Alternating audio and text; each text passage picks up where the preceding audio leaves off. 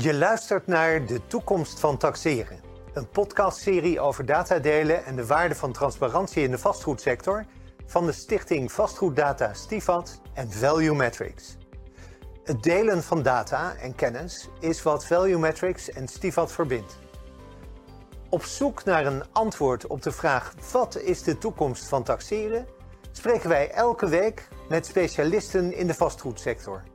Per aflevering behandelen we een onderwerp als het belang van transparantie en benchmarking, de impact van duurzaamheid, het werken met rendementseisen, de komst van buitenlandse beleggers en de financiering van vastgoedportefeuilles.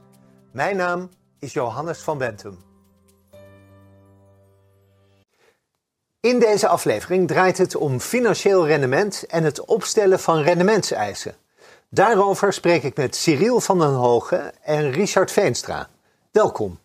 Dank je. Cyril van den Hogen is Chief Financial Officer van Altera, een beleggingsfonds dat geld van pensioenfondsen en verzekeraars belegt in woningen en winkels. Richard Veenstra is lid van de raad van bestuur van Vestia. Hij werkte eerder bij de corporaties Mitros en Woonstad en maakte daarvoor carrière in het bedrijfsleven als financieel directeur. Cyril, wanneer is Altera eigenlijk tevreden ehm, als het gaat om het behalen van rendement? Uh, op korte termijn zijn we tevreden als we het beter hebben gedaan dan de partijen in de MSCI benchmark. Uh, dus dat is iets wat tevredenheid geeft. Maar je kijkt natuurlijk ook naar langere termijn reeksen. En je wilt natuurlijk ook wel naar de toekomstverwachtingen goed hebben. Maar in eerste instantie zijn we tevreden als we het beter hebben gedaan dan de anderen. Ja, dan de index. Maar niet iedereen kan het beter doen dan de index. Dat klopt, uh, dat, is waar. Uh, je hebt altijd dan natuurlijk degene die erboven en eronder zitten, anders kom je ook niet tot de gemiddelde. Maar uh, ja, ik moet zeggen dat we het in beide fondsen toch wel steeds voor elkaar krijgen. En er zit dus misschien eens een keer een jaartje dus dat het niet lukt, maar de meeste jaren toch weer, weer wel. En we kijken ook met name wel naar vijf jaar, zo, want je, ja. alle korte trillingen nou weer te volgen is ook weer zo wat. Maar we volgen het wel op de voet. Ja, en kijk je dan naar direct rendement of indirect rendement? Uh, eigenlijk toch wel naar het uh, totaalrendement. Want dat is uiteindelijk wat de pensioenfonds in de boeken gaat opnemen. kijk, het direct rendement is bij ons ook gelijk aan het dividendrendement. We keren dat ook altijd uit. Voor sommige pensioenfondsen kan dat wel relevanter zijn. En het is ook zo, het directe rendement is een beetje de constante factor in de opbrengst. Het indirecte, dat fluctueert wat meer. ja, in positieve zin en negatieve zin dan natuurlijk. Je ziet bij winkels heb je gewoon wat, wat hoger direct rendement dan bij, dan bij woningen. Waardoor sommigen liever ook, ook, een stukje in, in winkels hebben vanwege dat wat hogere directe rendement. Hangt een beetje af, maar in, in, in, grote kansen zeggen we toch wel. Het totaal is in eerste instantie wat, wat, wat, wat voor de, de, de belegger het belangrijkste is. En het directe, de constante factor, nou, uh, die is bij winkels ietsje beter dan bij woningen. Door al die opwaardering wordt natuurlijk zo'n direct rendement steeds wat lager. Ja, dat is, ja. Dat is inherent eraan. Exact. Richard, hoe kijkt uh, Vestia naar rendement? Het bijzondere bij woningcorporaties is dat we eigenlijk op een andere manier naar ons vastgoed kijken. Het heeft een ander doel. Maar wanneer je het hebt over het, de financiële beoordeling, ontloopt dat de commerciële sector eigenlijk niet zoveel. dat heeft een belangrijke reden. Want voor ons is continuïteit een hele belangrijke factor. En dat doe je alleen door heel zakelijk te managen. Dus alle uh, criteria die Cyril net opnoemde, gelden eigenlijk ook voor een portefeuille van een woningcorporatie. Het enige verschil is dat bij de beoordeling uh, het financiële rendement niet het enige punt is, maar ook de maatschappelijke impact van de investering. En daardoor zou je een aantal beslissingen die een, kunnen nemen, die je in een commerciële omgeving niet zo snel zou nemen. Je neemt vaker genoegen met een iets lager rendement dan wanneer je dat vanuit louter commerciële oogpunten bekijkt. Maar dat is dan ook het enige verschil. En verder is het wel zo dat we precies dezelfde criteria gebruiken uh, bij de beoordeling van financieel rendement. Ja, ja. Uh, Cyril, uh, jij kijkt vanuit een commerciële beleggersblik naar de woningmarkt. Um, zie jij wel verschillen met hoe een corporatie opereert? Nou ja, het veld is natuurlijk wel anders voor ze. Eerst even nog even terug op dat maatschappelijke. Dat zit bij ons een beetje ergens anders in. Bijvoorbeeld in zorgen dat je ESG-beleid helemaal Ja. eh, strak staat. En dat je daarin ook wel probeert frontrunner te zijn. hè. Dus daar zit iets, ook iets maatschappelijks in. En uiteindelijk komen de, de revenue terecht bij eh, de pensioenfondsen. Nou ja, dat is ook wel iets. Nou, ik wil niet zeggen, maar ja, laten we dat gewoon maar maatschappelijk noemen. Uiteindelijk is dat toch wel voor de pensioendeelnemers. dus, eh, maar even terugkomend op het werkveld. Kijk, eh, er zijn natuurlijk wezenlijke verschillen tussen een corporatie en, en, en een beleggingsfonds. Bijvoorbeeld, wij kunnen groeien als aandeelhouders langskomen met geld. Eh, en dan eh, kunnen we dat beleggen en zo kunnen we maar groeien. Een, een, een woningcorporatie kan eigenlijk alleen groeien door te fuseren. Dat fenomeen kennen jullie ook bij Vestia. Dan wel door wat leverage te verhogen. En dat zijn eigenlijk de instrumenten die je hebt. Ja, en, en een beetje, ja, je kan groeien doordat dat de Ja. waardering toeneemt. Maar, maar, eh, maar verder komt er, geen- er Ja. komt geen aandelengeld binnen. Dus dat is bij ons een beetje anders. Voor de rest is denk ik anders eh, dat we natuurlijk in een andere huurmarkt zitten zonder eh, dat we convenanten hebben met, met gemeentes. Dus wij kunnen verkopen ja, zoals het ons uitkomt. Hè? Dat zal bij een woningcorporatie dikwijls anders liggen. Ja, zeker. Hè, dus dat maakt het al anders. En ik denk ook wel wat een verschil is. Eh, dat wij natuurlijk ook eh, nou ja, eh, in een ander huursegment natuurlijk ook zitten. Dus ook met een ander huurbeleid. Dat is wel een verschil. En doordat we, ja, en we hebben, omdat we ook wat meer kunnen verkopen. En, en ook misschien ook in andere periodes zijn ontstaan. hebben we ook veel jonger vastgoed. Ja, Ja, ja, en zijn, dat, dat, dat zijn echt verschillen. Maar, maar dat maakt niet uit voor de rest. Voor je dagelijkse werk. Ja, ga je gewoon om met de portefeuille die je hebt of die je wil, wil verwerven. En als je dat bekijkt vanuit de woningmarkt, dan hebben beide partijen echt een duidelijke rol. Dus waar de woningcorporaties in principe zijn voor de mensen met een lager inkomen, ehm, kan een eh, portefeuille van Altera heel veel eh, doen voor, de, voor het middensegment en het duurdere segment. En daar horen de woningcorporaties dan weer eh, minder thuis. Ja. Ze zijn er wel actief, eh, maar eh, het, is, het is niet de eerste eh, eh, bestaansgrond voor Maar je wordt niet een beetje jaloers als je Cyril zo hoort vertellen over Nee, de helemaal vrijheden die hij heeft. Nee, niet in die zin. Het is, dat is op zich wel heel fijn. Ehm, maar er is ook een reden waarom al die beperkingen er zijn binnen onze sector. Ja. En dat, dat is toch voornamelijk omdat het te maken heeft met het verschaffen van, van woningen aan mensen die het niet helemaal op eigen kracht kunnen. Ja. En dat, dat is een wezenlijk verschil. Dat is een wettelijke taak, maar dat is ook de bestaansgrond voor, voor de corporatie. Ja. Zou je die niet hebben, dan zou je een heel ander speelveld hebben. Al is voor ons betaalbaarheid natuurlijk ook van belang. Alleen ja, wel met een wat andere doelgroep dan die van jullie. Ja. Maar ook daar gaat het toch in die end ook wel weer om betaalbaarheid. Want anders ben je Ja. op de langere termijn ben je natuurlijk eh, uitgespeeld. Ja. Ja, en dan vooral omdat je heel veel wisselingen creëert op het moment dat je prijsstelling te hoog is voor de Eh, huur. ja, ja, mutatiegraad eh, probeer je natuurlijk toch een beetje. Zo die zit bij ons al zo eh, ja, sinds jaar en dag op de nou, 14 procent. Ja, dus dat betekent eigenlijk... Iemand woont zeven Ja. jaar lang eh, Ja. gemiddeld in, bij ons in een, in een Altera-woning. Ja, en dat zal bij twee jullie keer zo lang bij een corporatiewoning. Zo niet nog langer. zo niet nog Ja. langer, denk ik. Ja. Ja, Ja. dat klopt. Dat is ook Ja. wel een verschil. Eh, maar dat heeft ook met de mobiliteit eh, te maken van, van zo'n sector. sector en waar moeten de mensen anders heen? Ehm, en je ziet dat de mutatiegraad wel aan het dalen is, ligt. Ehm, omdat eh, het aantal alternatieven waar men heen kan verhuizen kleiner is. En de betaalbaarheid daarvan eh, neemt nou niet ook echt eh, toe. Ja. Dus de wachtlijsten nemen, neem ik aan. ook Wachtlijsten nemen toe. Ja, dat, dat ga je echt zien. Wat ik Ja. ook wel vaak hoor is dat een sociale woning, dat dat een lot uit de loterij is. En dat je dat ook niet zo snel opgeeft. Al, ook Ja. al maak je ehm, carrière in inkomen, Ja. ehm, de woningcarrière blijft dan eh, daarbij achter. Omdat Ja. je eigenlijk eh, met, met sociale ketenen gebonden bent aan die woning. Er is ehm, inderdaad sprake van, van lange wachtlijsten en daar heeft dit mee te maken. Het is niet letterlijk een lot uit de loterij, want je hebt over het algemeen vrij lang gewacht voordat je eindelijk bovenaan die lijst staat. En eh, wat je dan ook ziet is dat op de mensen die die plek behouden wanneer ze weigeren, dat het toch wel een aantal keren duurt voordat ze de woning eh, eh, nemen die ze aangeboden krijgen. Ehm, eh, en als men dan eenmaal de woning heeft die, die past, dan, dan mag je daar ook in blijven wonen. Zo, zo werkt het nou eenmaal binnen het huurrecht. En dat doen mensen dan ook. Ja. Dus we zien echt wel hele lange, hele lange eh, eh, woningsduren. Als dat een goed woord is. Daarvoor. Mensen blijven gewoon heel lang in de, in de woningen zitten. En dat, daarom hebben we die lage uh, mutatiegraden ook. Ja. En we zouden graag wel wat meer doorstroming willen hebben. Met name daar waar het gaat om uh, ruimte voor gezinnen. Dat is, uh, en, en, zeker voor starters. En ja, we proberen allerlei initiatieven. Naast drukken op nieuwbouw. Natuurlijk ook doorstromingsinitiatieven. Maar dat is nog niet zo makkelijk. Nee. Je ziet het ook niet echt nee. op grote schaal loskomen nog. En dat, dat heeft toch te maken met die, uh, ja, zoals je dat noemt, die sociale ketenen die er zijn. Mensen willen ook graag in hun buurt blijven wonen natuurlijk. Ja. Hè? Dus dat uh, ja. beperkt het aantal Als we even teruggaan naar uh, rendementseisen. hoe stel je een rendementseis voor jullie portefeuille? Hoe, ja. hoe bouw je dat op? Het is eigenlijk um, vergelijkbaar met wat je in de commerciële sector doet. Maar um, de getallen zijn heel anders.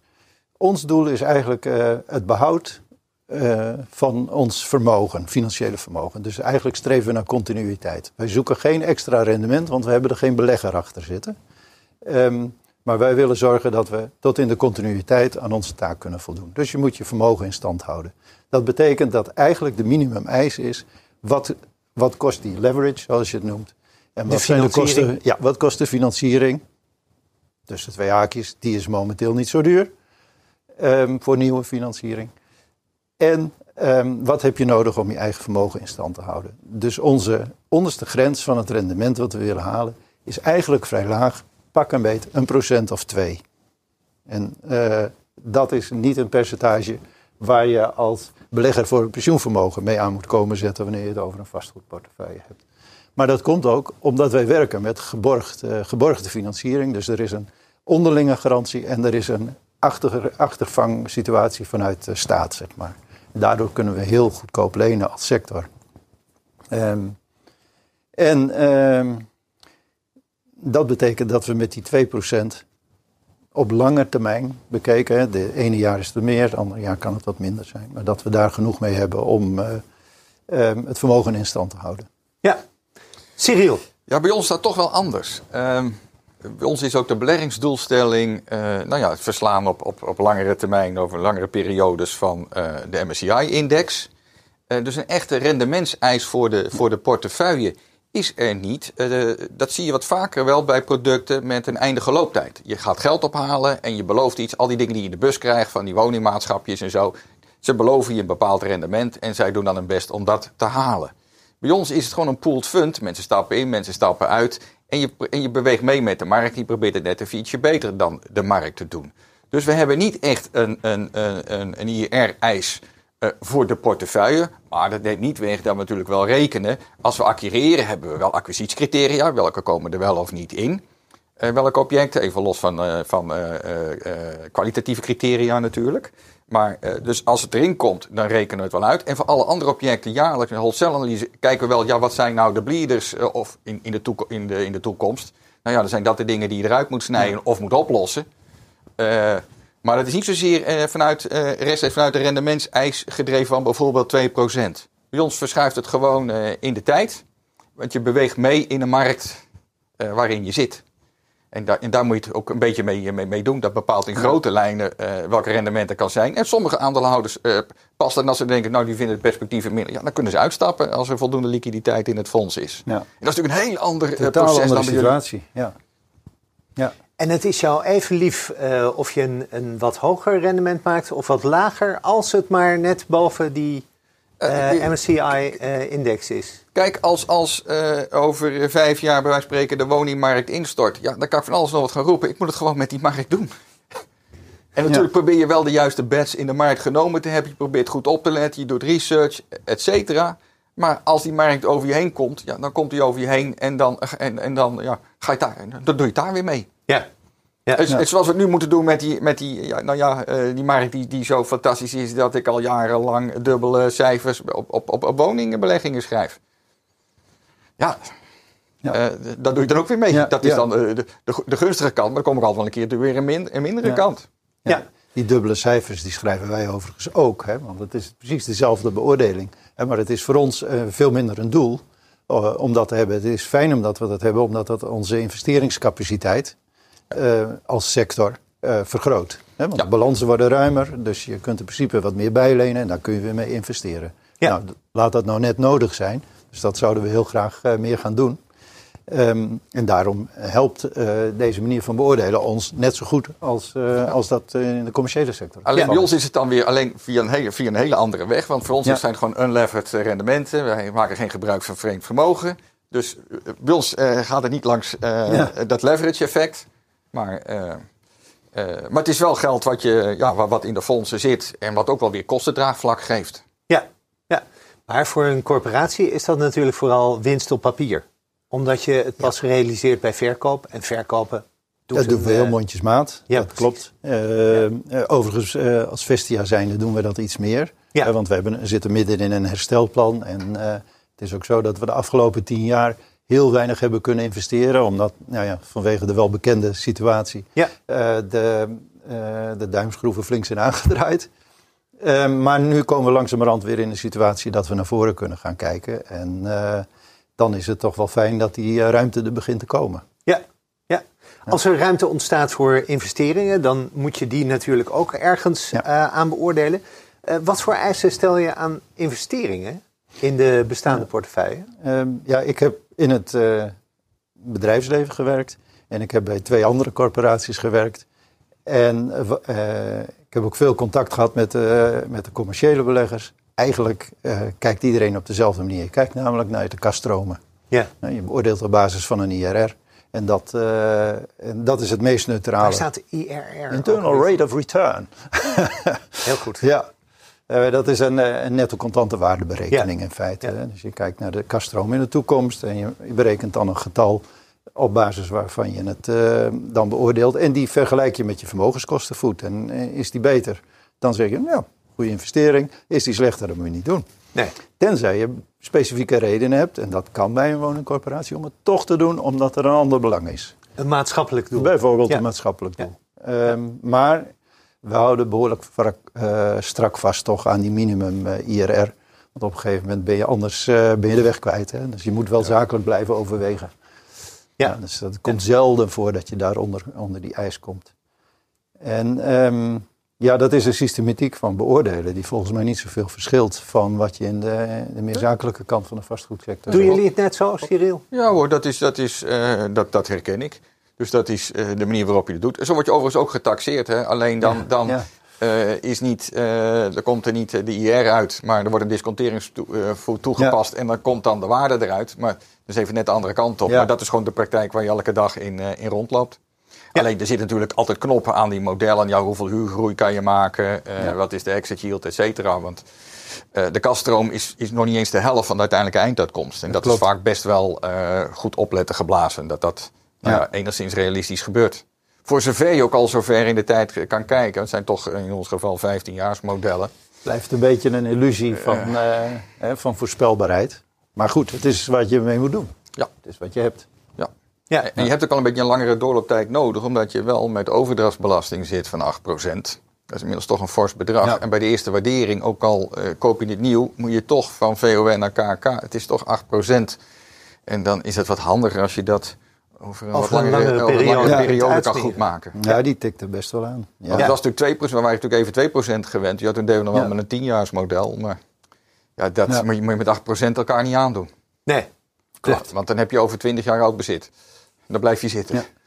Ja. Kan ook hoor, maar eh, En ehm, is, het, is het nu lastiger om eh, investeringen te beoordelen in de huidige markt? Of is het juist Ja. makkelijker? Nee, wij vinden dat het eh, best wel moeilijk is. En dat heeft voornamelijk te maken met eh, gestegen bouwkosten. En ehm, je ziet ook dat, ehm, eh, dat de rendementseisen daar eigenlijk niet op aangepast zijn. Je Ja. zou daar ook nog lager moeten zijn. Maar ja, dat kan natuurlijk niet, want dan eh, blijft vermogen niet in stand. Dus het is, het is echt wel moeilijk om aan je rendementseisen te voldoen met deze bouwkosten die we momenteel hebben. Ehm, er staan wel wat hogere opbrengsten tegenover. Want de marktwaarde is tenslotte ook hoger, dus Ja. dat helpt dan wel weer. Ehm, corporaties hebben een specifiek punt, omdat ze vaak ook eerst eh, slopen voordat ze iets nieuws neerzetten. En dat wat je gaat slopen, heeft ook een hogere waarde met deze systematiek. Dat maakt die afwegingen nog lastiger. Ja. Desondanks gebeurt het, want anders ver- vernieuw je je bezit helemaal niet. Hè? Dat moet gewoon gebeuren. En uh, soms is uh, bezit ook echt end of life. En dat, dat, betekent dat er maar één alternatief is. Maar rekenkundig is dat soms wel eens lastig. En dat noemen ze dan de onrendabele top. Dat is namelijk die afschrijving van het bezit wat je, uh, wat je weghaalt. Ja. En dat, dat is een hele lastige factor in die berekeningen. Maar goed, ehm, daar kunnen we ook mee omgaan, omdat de rest van het bezit um, fors aan het stijgen is. En dat, dat vangt dat dan weer op. Ja. Maakt dat het makkelijker voor een commerciële belegger? Cyril? Ja, kijk, of je nou bestaand bezit hebt of, of nieuw bezit. Uiteindelijk uh, zouden ze in de taxatie nou ja, moeten doen wat de markt doet. En je ziet dat de markt niet zo gek veel onderscheid maakt nee. tussen bestaand en nieuw. Het is ook nog steeds best gek. Uh, die hele markt wordt nu natuurlijk door die schaarste. Er is natuurlijk geen evenwichtige markt. Dus er gebeuren ook gekke dingen. En, en is het allemaal ook niet volgens economische beginselen wat je terugziet. Maar je ziet in ieder geval een huizenkoper. Nu zeker al niet door die schaarste. Ja, als hij al wat heeft, heeft hij wat. Maar echt waarde toekennen aan energetische uh, voordelen. Nou, dat, dat is nauwelijks nog uit, uit die markt terug te halen. Terwijl je uh, dat natuurlijk het liefst wel zou willen. Ja, want precies, daarmee heb je veel liever een nieuwe woning dan een oude woning. Ja. En daardoor is ook een investering in uh, duurzaamheid. Dus bijvoorbeeld isolatie is vrijwel geheel onrendabel. Terwijl de woning eigenlijk voor je gevoel meer waard wordt. Hij wordt comfortabeler. Hij zou makkelijker te verkopen moeten zijn. Maar de markt maakt geen onderscheid, want er is zo'n grote schaarste. Ja, eigenlijk zou je ook natuurlijk contracten moeten hebben waar, je, uh, ja, waar de energie in zou moeten zitten. En dan natuurlijk ja. ook dat je ook dan de, de, de, verhoging van de huur kan hebben. Maar dat dan ook, uh, dat ook ja. ligt bij de huurder, bij de gebruiker. Want die bepaalt voor een deel natuurlijk ook wel hoeveel energie er omgaat. Ja. Maar ja, dat is een lastig proces hoor. Die kan dat, stoken met het raam open. En ja. Is uh, het voordeel weg? Ja, ja hij betaalt wel de energierekening. Nu in de wel, meeste gevallen. maar in zo'n nee, contract nee, ligt ja. niet. Ja. Ja. Maar ja, dat zijn. Uh, uh, kijk, daar is het huurbeleid uh, in Nederland ook niet naar. Maar wij streven natuurlijk wel naar om ja, de, de, de, woningen zo energiezuinig te krijgen. Zodat een, als een, een, een, huurder dat ook wil, dat het ook kan. Ja. ja. Dat is in ieder geval dat is wat wij nog kunnen managen. Dus ja. dat moet je niet overslaan. Ja. Volgens mij is dit het moment waarop ik jullie uh, moet confronteren met een dilemma. Um, iedere week vraag ik mijn gasten of ze een dilemma willen achterlaten voor in de volgende podcast. Vorige keer sprak ik met Bas Sievers van Woonpartners en Wim Wensing van Amvest over de impact van duurzaamheid en circulariteit. En zij hebben beide een dilemma voor jullie achtergelaten. Wim Wensing vroeg zich af in hoeverre het investeren in duurzaamheid ten koste mag gaan van het financiële rendement. Cyril, kun jij daar iets over zeggen? Uh, kijk, het lastige is dat, uh, dat, dat komt ook een beetje voort uit wat ik net zei. Je ziet nu in de markt dat onderscheid tussen die energetische verschillen in die prijsvorming uh, nauwelijks terug. In de bouwkosten ja. natuurlijk wel, hè, dat is waar jij ja. het meteen terug ziet en wij ook. Maar je ziet het dus uh, uh, eigenlijk niet terug in de leegwaardes waar taxaties voor een groot deel op gebaseerd zijn. Ja. Uh, dus zeker in deze markt ja, zie je dat eigenlijk in eerste instantie niet terug. Ik denk ook dat je daar ook als lange termijn belegger ook het geloof in moet hebben. Dat moment gaat vanzelf komen. Je ziet nu met die gestegen energieprijzen, zie je natuurlijk al dat men al heel anders ermee omgaat. En, en met de neus op de feiten is gedrukt. Als straks ook even die schaarste, nou ja even, maar als straks die schaarste ook weer, weer er niet meer is. Dan zie je ook weer dat mensen daarin ook anders kunnen redeneren. En dan gaat die waarde wel, wel naar je toe komen. Of je krijgt afslagen daar waar uh, het energetisch niet op orde is.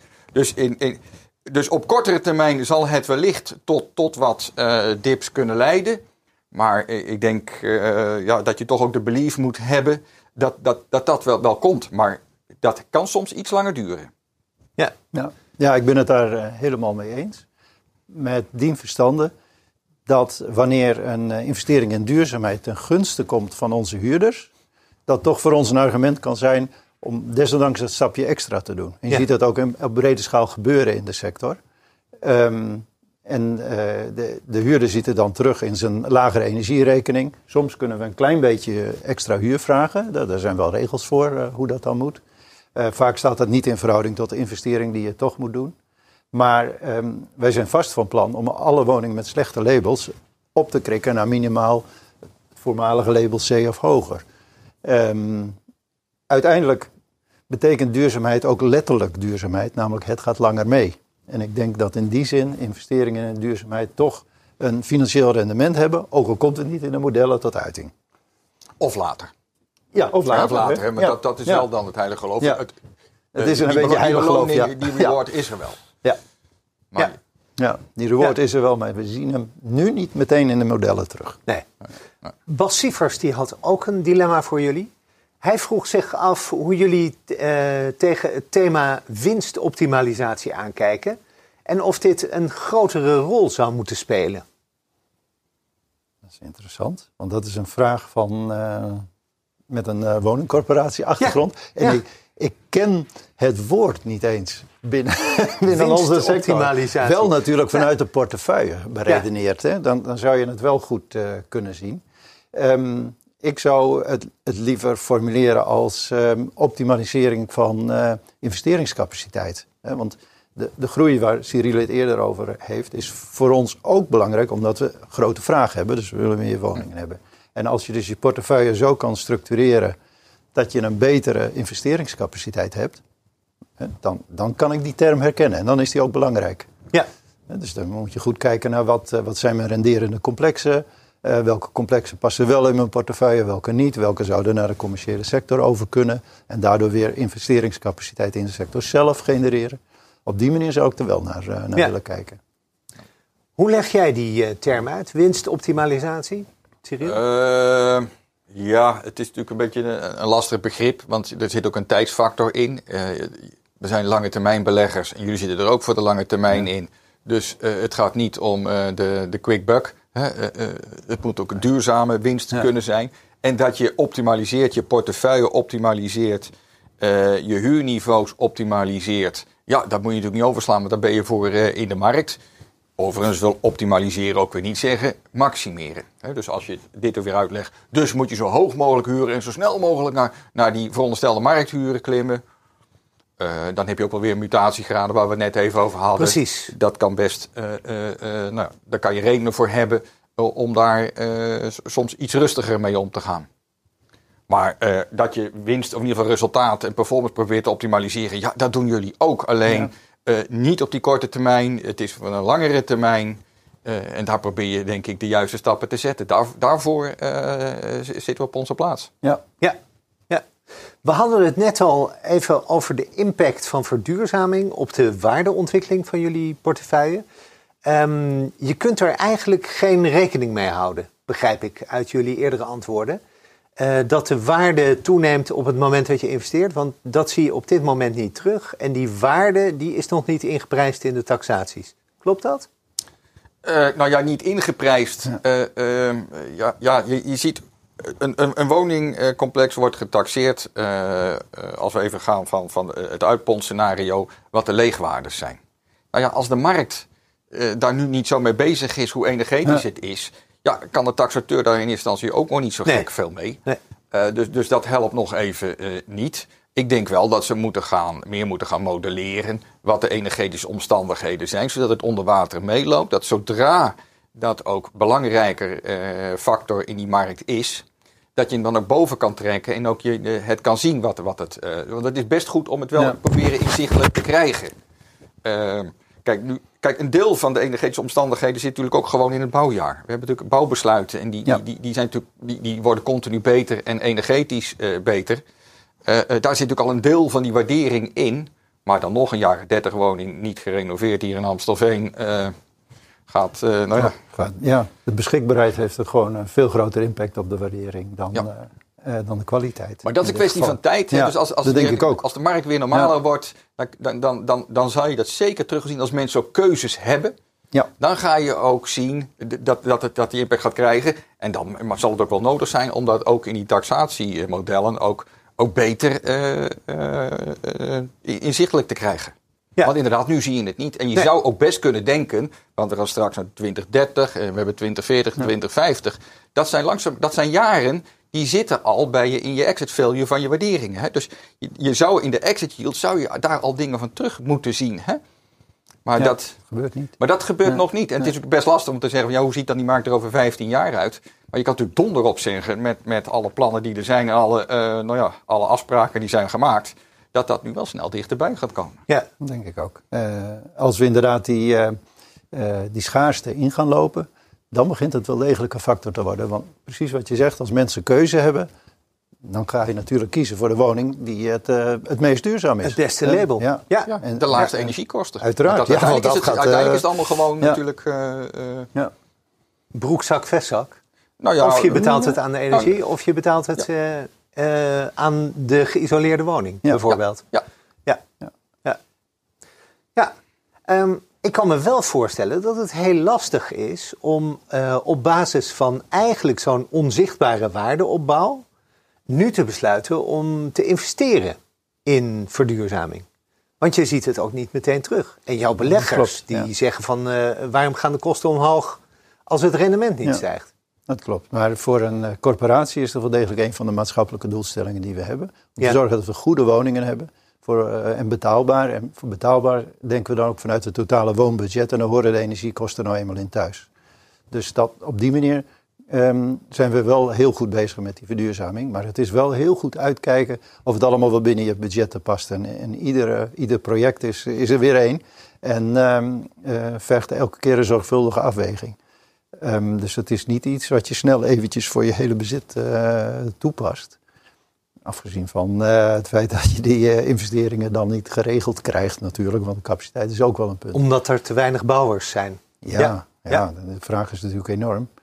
Um, maar um, uh, de doelstelling van Vestia, maar zeker ook bij de vorige twee corporaties waar ik werk, is toch om het bezit een, sterk te verduurzamen. En inderdaad aan die afspraken te voldoen die we als land hebben gemaakt.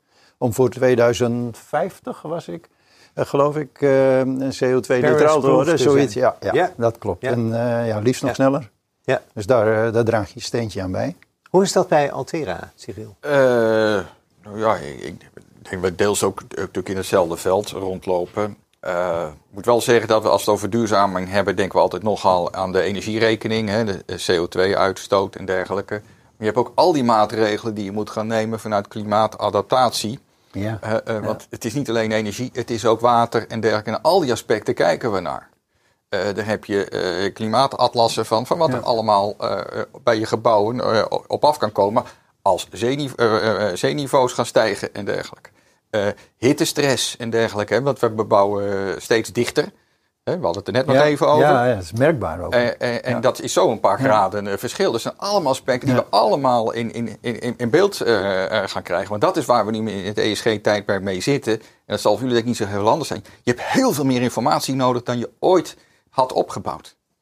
dus je hebt veel meer systemen nodig, veel meer meetpunten om te weten waar je precies staat en welke stap je het beste kan nemen. En we weten ook uh, dat er ook nog wel wat, wat technologie nodig is, met name bij appartementencomplexen, waar zonnepanelen natuurlijk nauwelijks iets kunnen betekenen, hooguit voor de lift ja. en nog wat dingetjes. Uh, dus het is, uh, nou ja, het is charmant om het te doen, maar de big steps moeten natuurlijk toch gaan komen als, als, als die gevels natuurlijk ook warmte kunnen...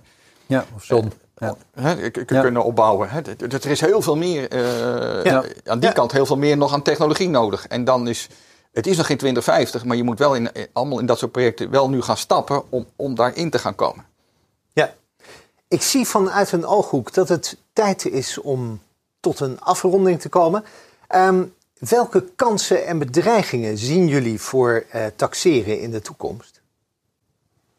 Is dit er één van? Nou, het ja, ja. niet inprijzen nu dat, van dat is, uh, nou, niet een, het is beide. Hè. Het is een kans en een bedreiging natuurlijk. Ja. Want op het moment dat wij uh, goed rekenschap kunnen geven van uh, de status, de kwaliteit van de woning en de benodigde verduurzaming, dan, dan is die waardering weer beter.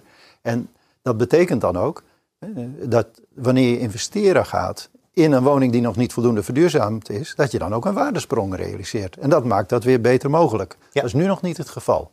Dus dat is een kans, kans en een bedreiging. Een dat kans hoe je dat voor ziet. verbetering ja, en een bedreiging momenteel een bedreiging. Ja, ja, momenteel een bedreiging voor de investering in verduurzaming. Dat we de, daar zo'n groot onrendabel gedeelte moeten pakken. Ja.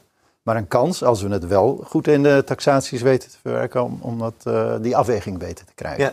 Cyril, zie jij nog andere kansen uh, en bedreigingen? Nou ja, ik vind uh, de big data een enorme kans voor, voor de taxaties. We werken er zelf uh, ja, niet dat ze dan de externe taxateur zijn, maar voor ons zijn ze belangrijke bouwstenen om ook om taxatie te, be- te beoordelen. Wat Valuemetrics doet met prachtige eh, eh, data eh, eh, tot hele goede leegwaardereferenties te komen of onderbouwingen. Dat, is, dat helpt enorm. Dus dat, dat, zijn echte kansen in de markt om dat eh, goed op te tuigen en, en dat die hele markt daar, daar beter van wordt. Dus dat vind ik een echte kans.